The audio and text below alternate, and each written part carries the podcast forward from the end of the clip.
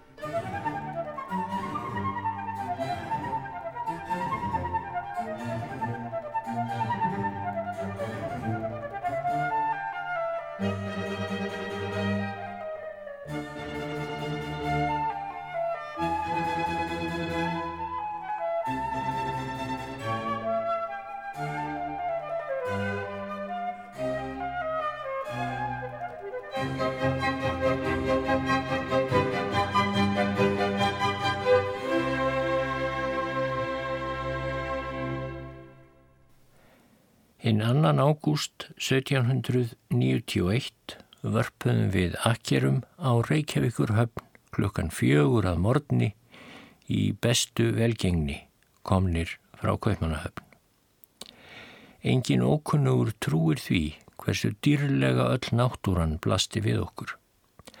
Lálendið var sveipaður lognþóku sem lagði svo frá hinnum döggvótu fjallalíðum að sólinn sem var nýkomin upp náði að varpa á þær geyslum sínum og strá þær perlum sem endur speikluðust skýrt og ljósi lifandi frá speilsléttum sjónum. Eftir vill hefur vitundinum það að vera komin heim til ættjarðar minnar, töfrað mig að einhverju leiti, en þess óskaði ég að þeir sem hafa líst Íslandi sem heimkynni hvers konar skjelvingar að þeir hefðu fengið færi á að hugsa um herra sköpunarverksins á svo unaðslegri stundu án þess að vera blindaðir af hleypidómum. Nesinn í suðvestri og norðvestri hildi upp eftir því sem þokan leið frá jörðu og kvarf fyrir sólarhittanum sem hækkaði úr 5 gráðum um morgunin í 13 gráður um hádegið en úr því tók að kolna vegna útrænunnar sem þá tók að blása. Þannig lýsir Sveitn Pálsson komu sinni til Íslands frá Kaupmannahöfn. Hann er endar yfirleitt fjarska lítið skálllegur í lýsingum sínum. Hann er nákvæmur vísindamadur sem er fyrst og fremst að mæla og grand skoða en það sést það líka í kaplanum sem ég las hér áðan að þóttan hefjist handa um að lýsa landinu á fagran og skáldlegan hátt þá getur hann brátt ekki stilt sig um að fara að nefna hitatölur af heilmikilli nákvæmni. En í dagbókunum þá lýsir Sveitn svo ferðum sínum og ýmsu því sem hann sér og heyrir um náttúru og hilsu fólksins á Íslandi og ég ætla að byrja á því að bera niður í kapla það sem hann segir frá aukvænlegum tíðendum sem bárustum heilsufar fólks í Helgafellsveit. Nokkru áður, skrifar hann, hafðu borist fregnir um bráða og mannskeiða sótt vestur í Helgafellsveit að því er hermt var. Vektust menn með áköfu taki í lungum og á nálagt mánadartíma dóu yfir hundrað manns þar í sveitinni, flestir á þriðja eða fjórða degi eftir að þeir vektust. Þá var einnig sagt að eftir andlátið rinni blóð úr líkunum.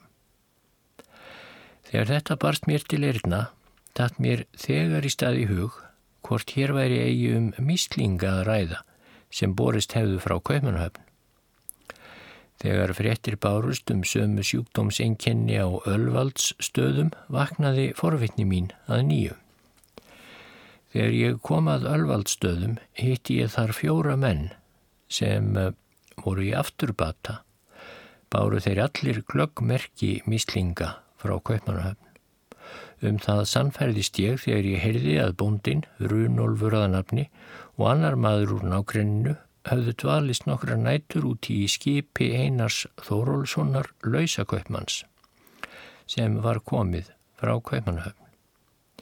Á skipinu var háseti Jónanabni sem leið hafði í mislingum og reyndar verið sjúklingur minn í Kaupmannahöfni í april síðastliðinum. Þessir tveir áður nefndu menn hafðu haldið sig mest að þessum landa sínum og fengið lánuð fött frá honum því að kallt var í veðri. Fötinn tók hann upp úr kistu sinni og þar hafa þau sennilega verið látin og hreinsuð. Báður mennirnir síktust mjög bráðlega, annar dó en hinn helt lífi.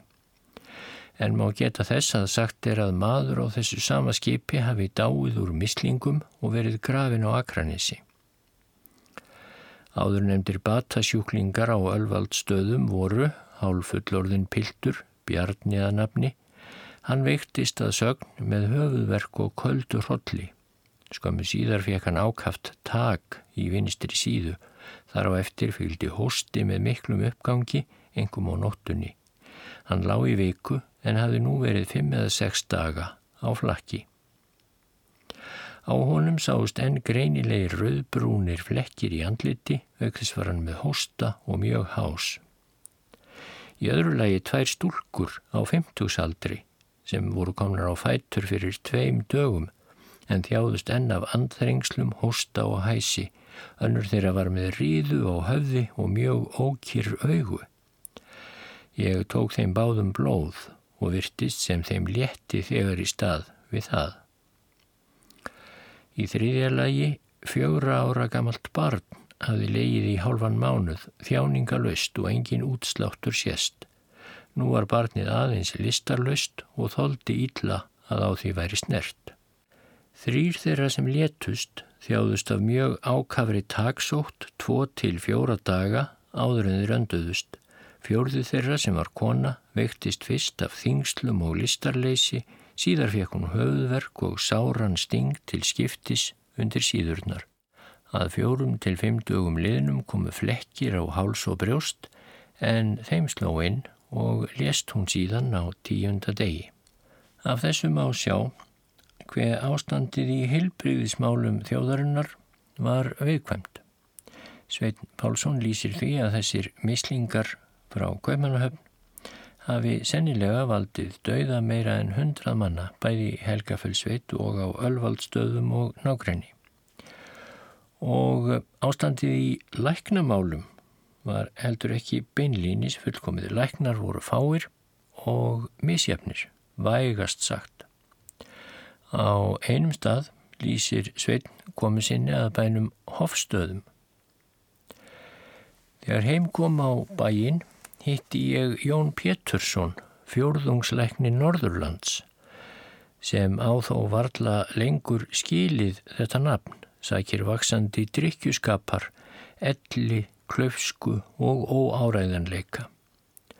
Þótt Jón sé í rauninni lærður vel og hafi verið heppinleiknir, hafa samt flestir mist allt tröst á honum og það ekki að ósekju. Í þessu sambandi vil ég samt leifa mér að taka fram. Útlendingar gera mikið veður út af henni hóflausu ofdrykju sem þeir segja að sé einkenni íslensku þjóðarinnar. Þetta er að vísu eigi með öllu staðlausir stafir ef aðeins þeir tekið tillit til þeirra manna, sérstaklega þó embættismanna sem eru á sífældum ferðalögum. Alkunnugt er að engin veitingahús eða greiðasölustadir eru til á Íslandi eða með öðrum orðum enga þá hressingu að fá á ferðalögum sem venja er til Erlendis en hitt vita aðeins þeir sem reynt hafa hversu erfitt er að ferðast á Íslandi engum á vetrum. Það er því ekki furða þótt menn grípi til brennivínsins sem er eina fáanlega hressingin þegar þeir, sem ekki er sjálfgeft, eru komnir að því að hel frjósa.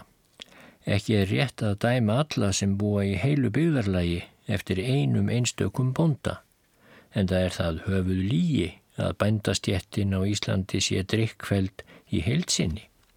En ætli að unsi að bera íslensku bændurna sem koma eftir til vil einu sinni á sumri í kaupstæðin og drekka sig þá fulla, saman við þá sem veltast auga fullir hverum annan þveran á göttunum á hverjum einasta torksölu degi í borgains og kaupmanahöfn. En svo ég viki aftur að áðurnemdum lækni, þá vissi ég vel hvert erindi hann átti við mig en það var einungis að áreita mig og fá mig ef undværi til að láta í ljós óhæfni mína til þeirra rannsóknar ferða sem mér voru faldar á hendur. Hann var meðal annars svo einlægur að segja mér að náttúrufræðiða félagið hefði sendt honum erindisbrið mitt á samteri ósk að hann skýrði frá því hvernig ég hlýtti erindisbriði mínu. Auk þess vildi hann fá mig til að byggja félagið um teiknara eða málara og að hann sjálfur yrði ráðinn sem félagi minn á rannsóknarferðunum. Þá reyndan, og reyndar ekki af vanþekkingu því hann er velkunnur grasafræðingur, heldur á einskjari minnfísi að fá mig til að trúa því að ekki þýtti að leita skopna nema á vorin og sömu leiðis frættan mig á því að hér á landi væri margt eiturplatna. Þá sagðan að ég þyrti ekki að gera því skóna að komast upp á tindastól nema með samþykki vætta þeirra sem í fjallinu byggi og fleira því um líkt sem ég leiðist að þylja upp. Engin skilji orð mín svo að ég segi þetta löndum mínum almennt til svífyrðingar. Því ég get fullirt að maður þessi er hinn eini af sínu tægi í öllu landinu. En ég get þessa sem sönnunar þess að það er ekki ætið betra að ferðast í sínu föðurlandi en annar staðar. Og ferðamadurinn verður að vera við því búin að finna fleira en náttúrufræðilega hluti á ferðum sínum. Um þetta leiti gerðist alvarlegur hlutur á Suðurnesjum, vestasta hluta Guldbringusíslu, sem ég frétti af. Prestur staðarins kærir það á mantalsþingi sem haldið var í þennan mund að fátækur sveitalímur hafi nýlega dáið vegna þeirrar hraklegu meðferðar sem nú skal greina.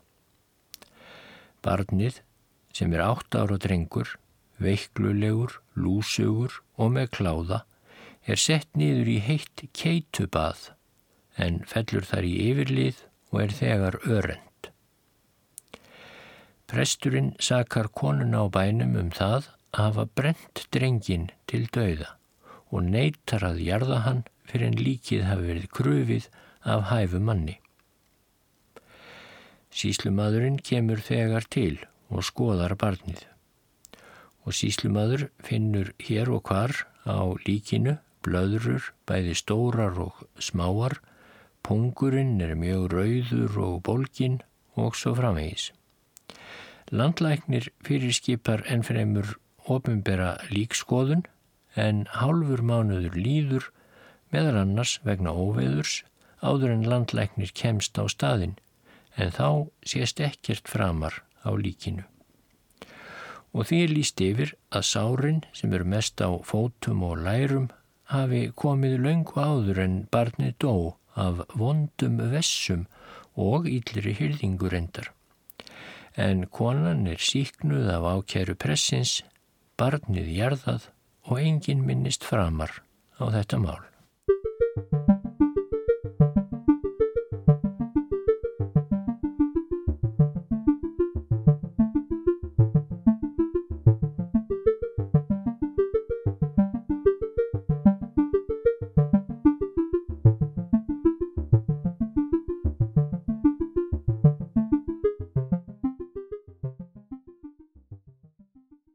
Sumarið 1793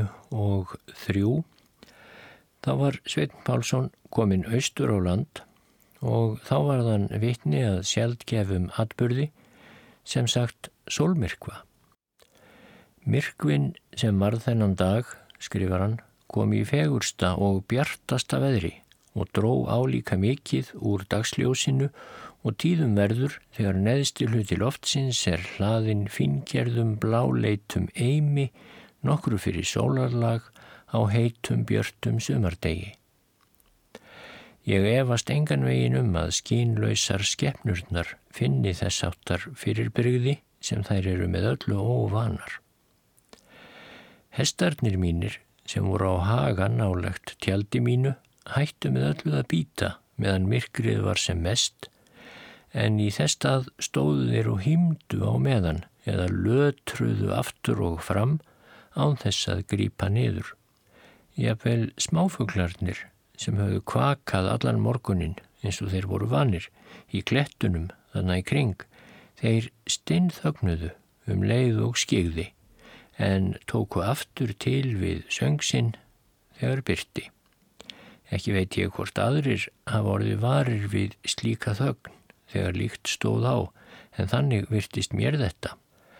Hinn 10. september 1793 var Sveitn á samt nokkrum ferðarfélagum í Skaftafelli og um heimsóknina þangað skrifur hann. Við vorum um kyrt á Skaftafelli til að kvíla hesta okkar og fara smáferður um nágrennið en þarna er mjög fagurt. Öræfasveitin sem nú telur aðeins sjöbægi likur sunnan og vestanvert við mjög hátt fjall eða öllu heldur höfða sem heitir Öræfajökull. Hann er mjög hár og brattur að framann út að sjónum en hverfur að norðan yfir í lægri fjöll í öðrum miklum jöklum. Efri helmingur þessa fjalls er ósvikin jökull er sendir svo afkvæmi sín niður á jafnsléttu gegnum hvert skarð og gílskoru og þess maður geta að Sveitin Pálsson hann var víst einna fyrstur vísindamanna í heiminum til að gera sér grein fyrir eðli skriðjökla. En hann heldur áfram Þessi byggð í skaftafelli er að kalla má skilin frá öllu mannlegu samfélagi því hún er lukt innmilli skeiðarársands að vestan, breyðamerkursands að austan, jöklum að norðan en að sunnan sjálfu úthafinu. Eins og kunnugt er hafa eldgósi í Örafijökli næri því eitt byggðina svo að ekkert graslendi er eftir nema litlir blettir kringum þessa fáu bæi. Nokkrar engja ræmur eru fram með kvíslum skeiðarár og eitthvað af mýrum í söður hlýðum fjálsins. Allt annað er grafið undir endalöysum auður, sand og vikur haugum. Ég hygg að engin bær á landinu líki jafn nærri eða virðist svo jöklum luktur sem skaftafell sem er nýrsti og efsti bæri í öræfum. Bondin sem nú býr í skaftafelli heitir Jón Einarsson og hafa átta forfeður hans, mann fram af manni, búið á þessari konungsjörð. Ég minnist þessa aldraða ákjætis manns með sérstakri ánægu því ég þekki naumast hans líka meðal alþýðu manna á Íslandi. Það er hverginari eins sjálf geft og aðrar þjóðir ætla að menn rekist á Íslandi á bændur sem mega kallast víðlesnir í sögu og lögum landsins, jáfnvel í almennri sögu og landafræði, kunna biblíuna upp á sína tíu fingur, rita forkunarfagra hönd eða eru smiðir á dýra málma, hvað þá annað. En mér hefði þótt lít trúlegt að hitta hér í skaftafelli óbrotin bonda sem af sjálfsín ramleik og ástöndun hefur þegar á unga aldri lært latneska, gríska og hebreska málfræði með því einu móti að fá þess áttar bækur að láni hjá öðrum og svo spyrjast fyrir hvenar sem tækifæri böðst. En hvað er það sem hinn meðfætta löngun væri ekki áorkað eins og dæmi Jóns Einarssonar á skátafelli er til marksum. Við þvingun annara virðist hún jafnvel töfaldast. Þessi maður var að auki mjög vel að sér í þýsku og dansku og hafði þar að auki kynnt sér nöðsynlegustu aðferðir við skurðuleikningar, blóðtöku og sáraumbúnað en fremur grasafræði að svo miklu leiti sem und var að læra hana af eldri bókum en kerfi Linnes og án nokkurar munlegurar tilsagnar. En mest hvað þó að hagleik Jóns Einarssonar á tríi, járn og látún og hefur hann erft þetta frá forfeðurum sínum, engum föður sínum, sem Egert Ólafsson nefnir í sinni ferðabók. Og meðal annars er Jón Einarsson ennfremur afbræðs skitta og hefur sjálfur búið til bissu. Er lásinn og hlaupið úr kopar en fjæðurirnar aðeins úr stáli. Hlaupið er hér um byrj dönsk alin á lengt og allur er gripurinn hinn smiðslegasti. Aug þess hafðu Jón og bróður hans, sem nú er dáin, smíðað fjórhjólaðan vagn, þannig gerðan og svo haganlega búin segli að einn hestur dróan léttilega með 20 hestburða hlassi. En fráfall þessa bróður fyrir aldur fram að þið dreyið svo kjark úr Jóni að korki þessari nýja öðrum nýtsömmum uppfinningum varðu lokið til fulls. Þeir sem vilja og geta gefið sig við að ganga á jökulfjöllin hér til að kynna sér skipun þeirra ættu að hafa bækistöð á þessum bæ, skaftafelli því að öraefajökull rýst þar fast hjá í öllu sínu veldi og frá tindi hans sem heitir Kvanadals njúkur mun sjást yfir allan jökulflákan að minnstakosti sunnan til. Hinn 12. september var ílviðri með snjó og bleiturhiðjum. Urðum við þá að halda kyrru fyrir á nappavöllum og gátum ekki aðhafsneitt sérstakt. Íð eina sem skemmti okkur þar var 74 ára gammal maður, talsvert einkennilegur í háttum. Hann bjó á einum parti í jarðarinnar að nappavöllum en ekki lagði hann þó mikinn huga á búsísluna. Hitt hafði verið hans æfi starf, allt frá æsku, að sapna ríthöndum allra þeirra manna sem hann gæt náð til, jafnvel frá öðrum löndum, en fremur völum úr öllum landdýrum, kvörnum úr öllum fiskum og vangjum af öllum fugglum og átti hann fullt herbergi af öllu þessu. Í engum öðrum manni en þessum bonda hef ég séð gulleitan eða lýsandi baug kringum augasteinin og þessi ringur lísti ég vel í rökkri líkt og kattaraugu. Nokkuru síðar í sömu ferð þá er Sveit Pálsson kominn austar. Hann er komin í sveitina kringum höfn í Hortnafyrði og segir þá á flestum bæjum er þrýbíli Íbúarnir þar um slóðir eru þunglamalegir í útliti og döfugerðir allt annaðin fríðir sínum þeir eru óframfærnir og undirförðulegir en forvitnir þegar ókunnuga byrjað gardi sapnast oft allt fólkið kringum þá og hver eftir annan leggur aðra höndina á auksl komumanna og kissir þá. en annars eru menn mjög gætnir á slíkt í skaftafellsíslum og jafnvel í rángarvallasíslu. Klæðaburður þarnum slóðir er óþægilegur, engum kvennfólksins. Þó hafa flestar konurnar, jafnvel aflóa kettlingar, hinn viðbjóðslega skautafald og margar án þess að hafa nokkur klútu mennið. Reynleitið virðist ekki eigu upp á pallborðið hér. Þeir sem búa nálagt sjó geta næri því allt sem úr honum fæst og stundum ég vel rátt. Gesturisni er hér miklu minni en í öræfum, skaftartungu og á síðu, en það er hún þar reyndar óvenju mikil. Þó finnst hér einstakamadur mjög hjálpsamur, engum meðal þeirra sem flust hafa annar staðar að. Búpenningsrækt er helst í bjargræðisvegurinn og þó er hún heldur lítilfjörleg á móts við það sem annar staðar gerist. Nokkru setna er eh, sveitn á leiðinni aftur, vestur á land, kemur við í meðalandi og lýsir þar selveiðum. Tvær selategundir veiðast hér, vorselur og útselur.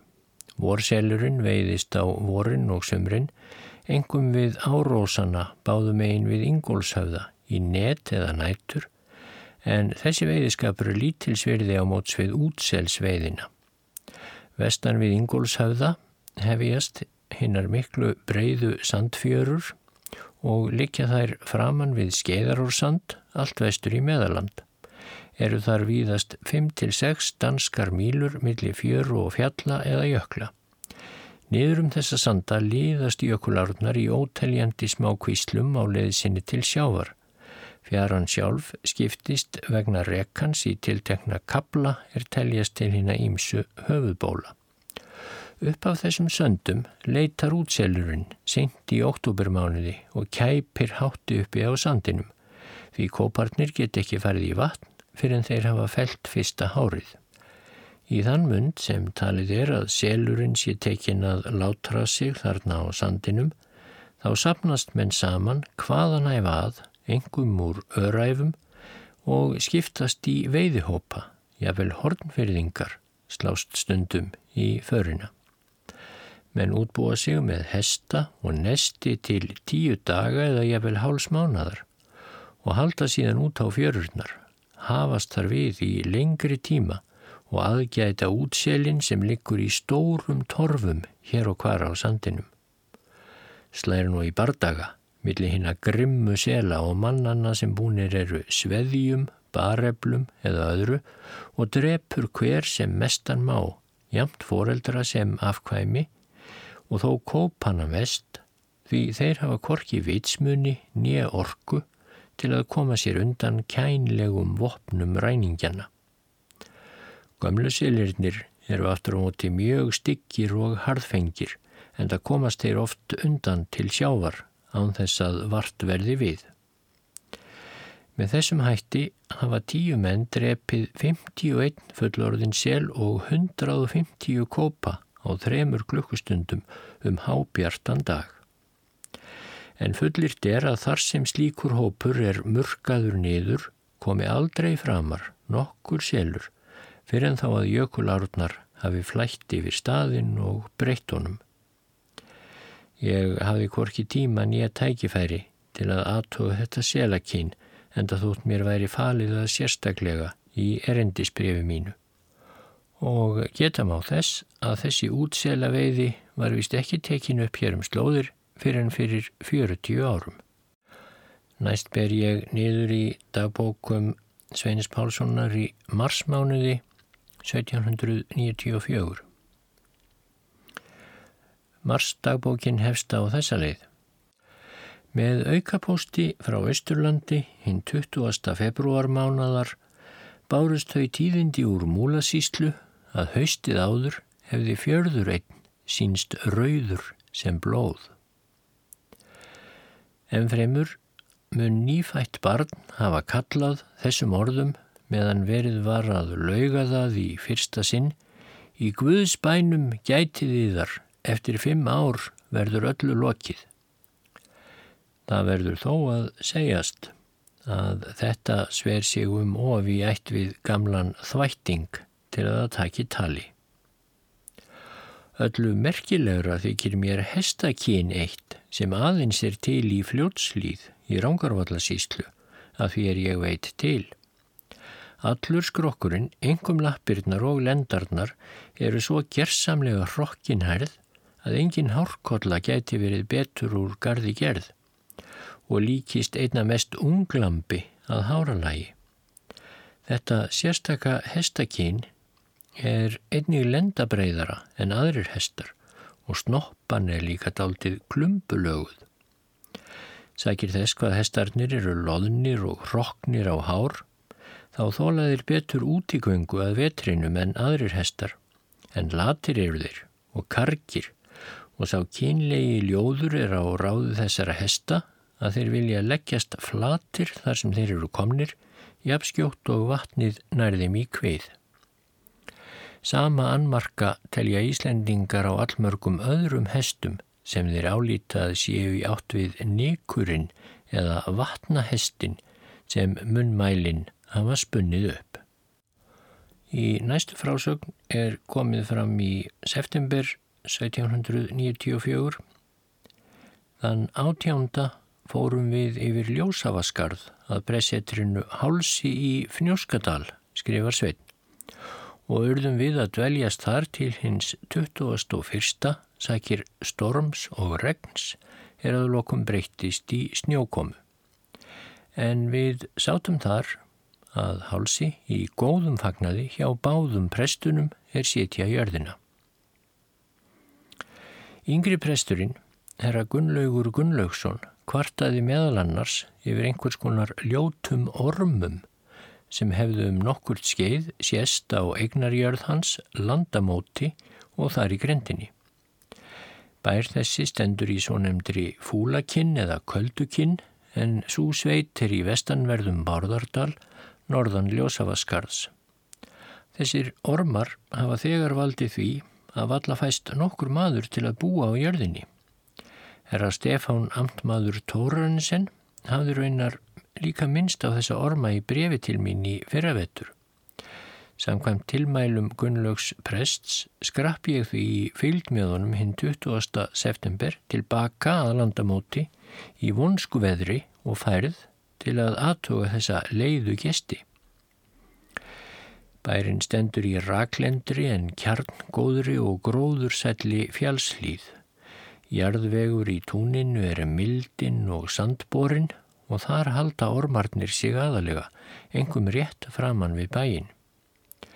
Grasrótin þar er öll útstift í smá hrjónum og undir hverju hrjónu er hóla með ormabæli í. Ormarnir eru mjög þess leir að vera sípúnkúlus eður pípuormar samkvæmt stuttir í lýsingu sem ég skrifaði á staðnum af einum þeirra. Að sömurinu koma ormar þessir upp úr hólum sínum, nær álnar djúpum og skrýða þá ég vil inn í bæjarhúsin, en deyja þá oftast nær er þeir hætta sér svo langt úr bæli sínu. Engum sækjast ormarnir eftir því að komast undir heistakka og annað sem breyttir á jörðina, en verður þeir fyrir ónæði í grend við bæli sitt, þá flýja þeir í það með ótrúlegum hraða. Ekki geta þá hrafnar nýja önnur dýr svo að vitað sé. Stæstu ormarnir sem menn hafa rekist á voru átján þumlungalangir og fingur gildir. Og hér ætla ég að skjóta því að að samkvæmt þessu hafa ormarnir verið 50 og 4 cm að lengd þeir lengstu. Svein heldur áfram lýsingu sinni að vetrinum felast ormarnir djúft niður í hólum sínum. Þanga til fyrir 30 árum hvað þeirra ekki hafa orðið vart, en um orsakir þeirra eða upphaf er þetta sagt. Einu sinni fyrir langa löngu var verið að slátra mannígri kúþarna en hún sleit sig lausa og rásaði víða svo að blóðið úr henni fór út um allt í grend við bæin.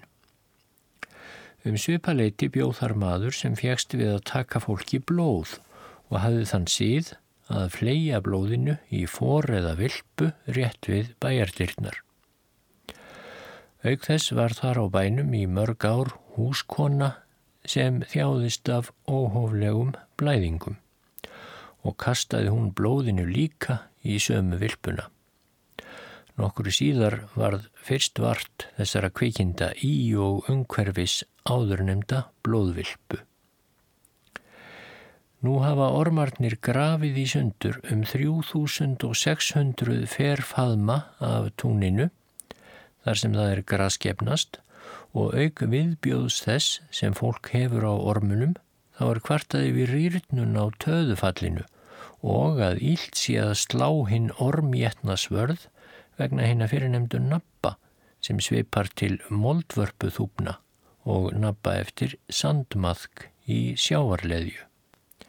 Sem tilraun til þess að hefta ófögnu þennan, þótt ekki er í honum útrýmt með öllu, þá réði ég til í fyrsta lagi að grafa álnar djúpan og breyðan skurð umhverfi spæjarhúsin. Fylla hann vel sameldum og þjöppuðum smiðjuleir og ösku til þess að verja veggi og þög bæjarins. Í öðru lagi að strá á vetri hverjum tveggja þverfingra þykkulagi af ösku, helst þangösku, yfir hinn að ormjetnu spildu tónsins og herfa öskuna ofan í grasvörðin snemma vors. Í þriðja lagi útvega sér hænstfugla til að vita hvort þau forðist að geta orma þessa. Í fjórðalagi gera skurði í túnið til að þurka það. Og svo í fymtalagi reyna óleskjað kalk, sótvatn og þess áttar í stað ösku. Alþýðamanna talar all mikið um orma sem eigaði líkjast ofangrendum ormum að lögun og litarhætti en eru miklu minni og engu engu í jarðveginum þar sem mörgum skeppnum er slátrað svo sem á blóðvöllum í kauptúnunum. Kallast þessir ormar blóðormar og er það haldmanna að þeir kvikni af blóði búpenningsins. En ekki hef ég verið svo heppin að hafa rekist á þá en gera aðeins ráð fyrir að þetta séu rauninni venjulegir ánumaðkar. Í Fnjóskadal var almennt kvartað yfir því að hinn mörgu reyndýr sem sett hafa verið upp í óbyggður að undanvörnu ætu öll fjallagrössin svo að menn yrðu upp á síðkastið að fara allarleið til mývatns eftir fjallagrössum. Annars má geta þess að bóndin á efstabænum í dalnum náði fyrir tveimur árum hrein kvígu sem leitaði ofan í begðina vegna hagleysis. Lengi vel vildi hún heldur svelta en geta hei en loks varð hún að sætta sig við það og smám saman varð hún svo mannvön að hún gekk ekki aðeins laus um allar trissur heldur slóst í för með fólkinu til kirkju og lág graf kyrr út í kirkjugarði um messutíman. Annan búpenning forðaðist hún að hestum einum undanteknum en verst var henni við nöytpenning og geitum var hún eh, einhverjum smá glettin, stökk í kringum þær, sparkaði um koll með framlöppinni og svo framvegis. Það er fullirt að henni nægði einn fjórðungur af hegi eða jafn mikið og mjölkur kýr getur í eitt mál.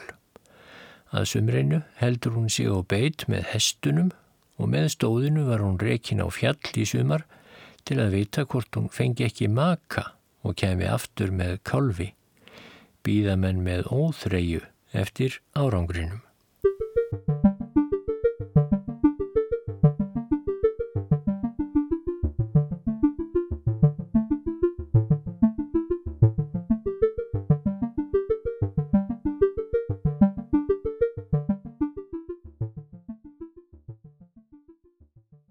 Á einum staði í dagbókum sínum lýsir Svein Pálsson Þingvöllum.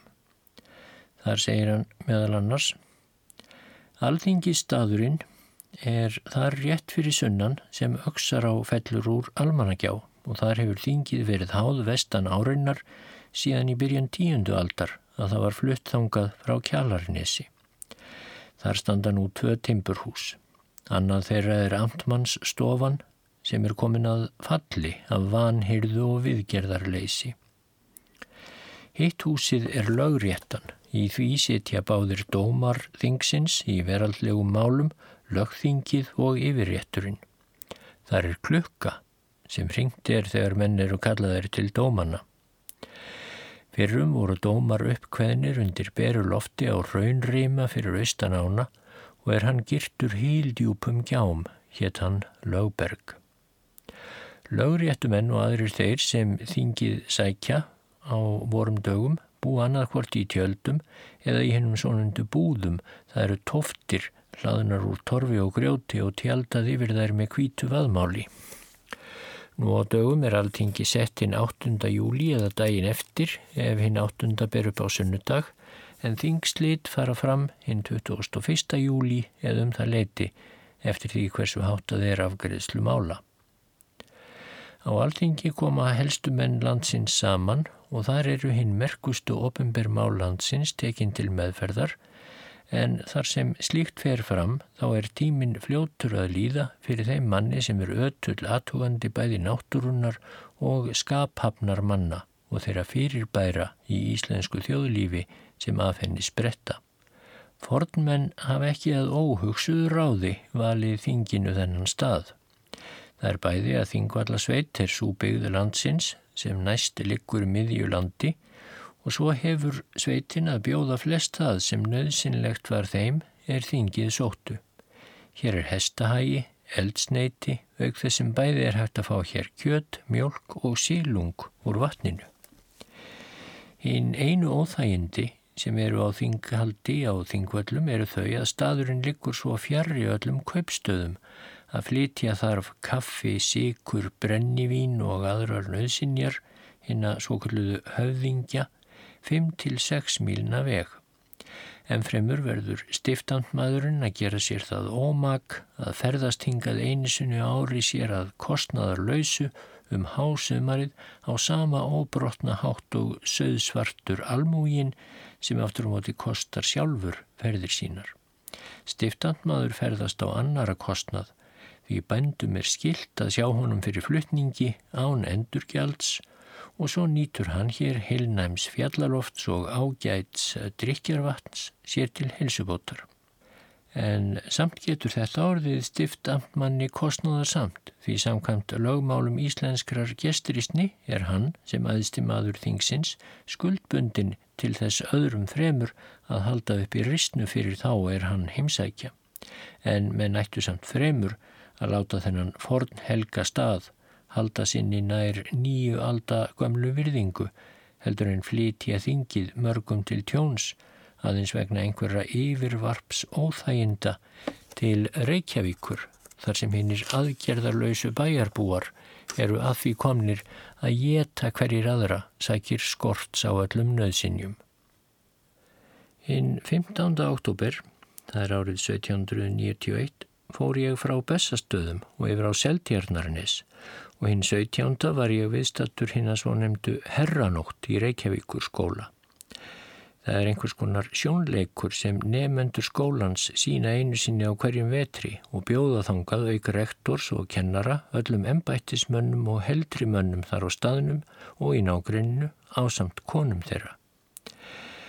Efni síningarinnar er gríningaratöfn og er efsti nefandi árlega gríndur til konungs aðri leika biskup, presta og ímsa embættismenn veraldlegar stjættar, svo sem fyrst á annan ríkisráðgjafa, fyrst á annan ríkis tilsjónarmann, stiftandmann, lögmann, dómara, ímsa yfirmenn úr hernum og svo framvegis. Um leið og kórúnan er sett á höfuð kongi og honum fengin veldisbrotinn og ríkisepplið í hendur er flutt stutt en viðegandi ræða á latínu. Síðan ganga tegnustu menn hver af öðrum fyrir kongin og færa honum heilla óska hvæði á latínu. Þess á milli ganga allir í fylkingu fram og aftur endilangt gólfið og einnig út og umhverfi skólan með söng og hljóðfæraslætti efundir að fá hann. Þá er og hlift af nokkrum skotum. Sumir lærisveinarna sína atriði úr einhverjum gamanleik en hver getur vænst þess að unglingar þessir sem ekki vita hvað leikhús er síni fullkomin smekk í meðferði leiks. Þar á eftir er áhorfendum veitti lítilsáttar hressing. Ef einhverjir hinn að dönsku kaupmanna sem þarna eru stattir kunna að leika á hljóðfæri eða dansa, þá eru þeir oftast fúsir að auka á gleðina með því. Á aðfangadag jóla skreita skólapiltar skólan ljósum með erdnum kostnaði eftir efnahag þeirra. Alls eru sett upp um 300 kerti í tvöfaldaröð með fram glukkum og í ljósahjálma í loftinu.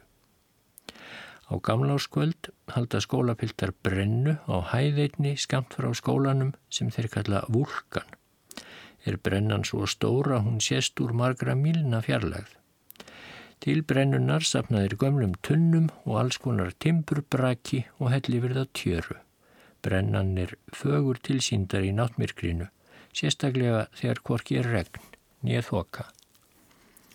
Þeir sem halda, eins og margir gera, að Íslendingar séu síðlausar skeppnur, þeir myndu furða sig á að sjá hver góða skipan og einurð hinn er mjög svo hlýðinu lærisveinar sína við áður nefnda kríningaratöfn og aðra slíka gamanleiki. Það væri óskandi að þeir gætu í tómstundum sínum æft sig í að leika að valda smá sjónleiki undir handleiðslu manns er skínbæri á þá hluti. Af því myndi smekkur þeirra framganga meðferð málsins og jável hugsunarhátturinn hafa ótrúlegt gagn, rétt eins og það er líka mannum gagnlegt að æfa glímu og þess aftar leiki, sem virðast nú er að falla í glimsku, jável þótt skólapiltarnir neyðist til að æfa sig í glímu svo þeir dreppist ekki úr kulda. Svo er mál með vexti að þetta nýreista skólahús sem gert er á konungskostnað fyrir stórmikla peninga er þannig úr gardi gert að enginn sem það skoðar getur látið sér annað til hugar koma en að það sé óhagganlegur dómur forlagana að enginn nýtsum stopnun fái staðist á Íslandi yfirleitt. En hver vil gera svo djarfur að skella skuldinni fyrir það á hérna eftirlátsömu og næstum því of auðsveipu þjóð.